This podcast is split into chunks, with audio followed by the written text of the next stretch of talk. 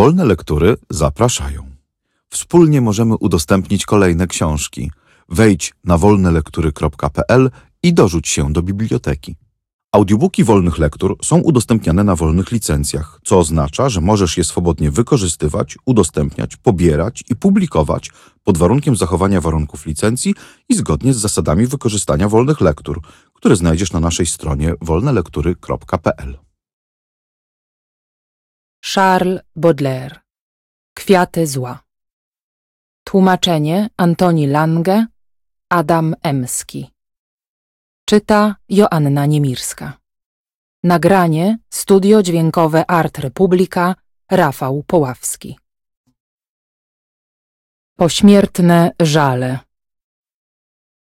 Śliczna, chmurna ty moja, gdy do snu twe zwłoki pod czarnym marmurowym złożą już kamieniem, gdy jedynym twym zamkiem, alkową, schronieniem stanie się sklep wilgotny albo dół głęboki, gdy pierś przytłoczy ciężar straszliwej opoki i gniotąc kibić giętką, wdzięczną zleniwieniem, nie da sercu uderzyć wolą i pragnieniem i powstrzyma Twe lekkie, swobodne dziś kroki.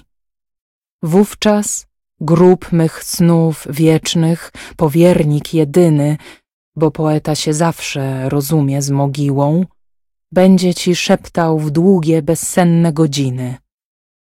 Kurtyzanko nieszczera.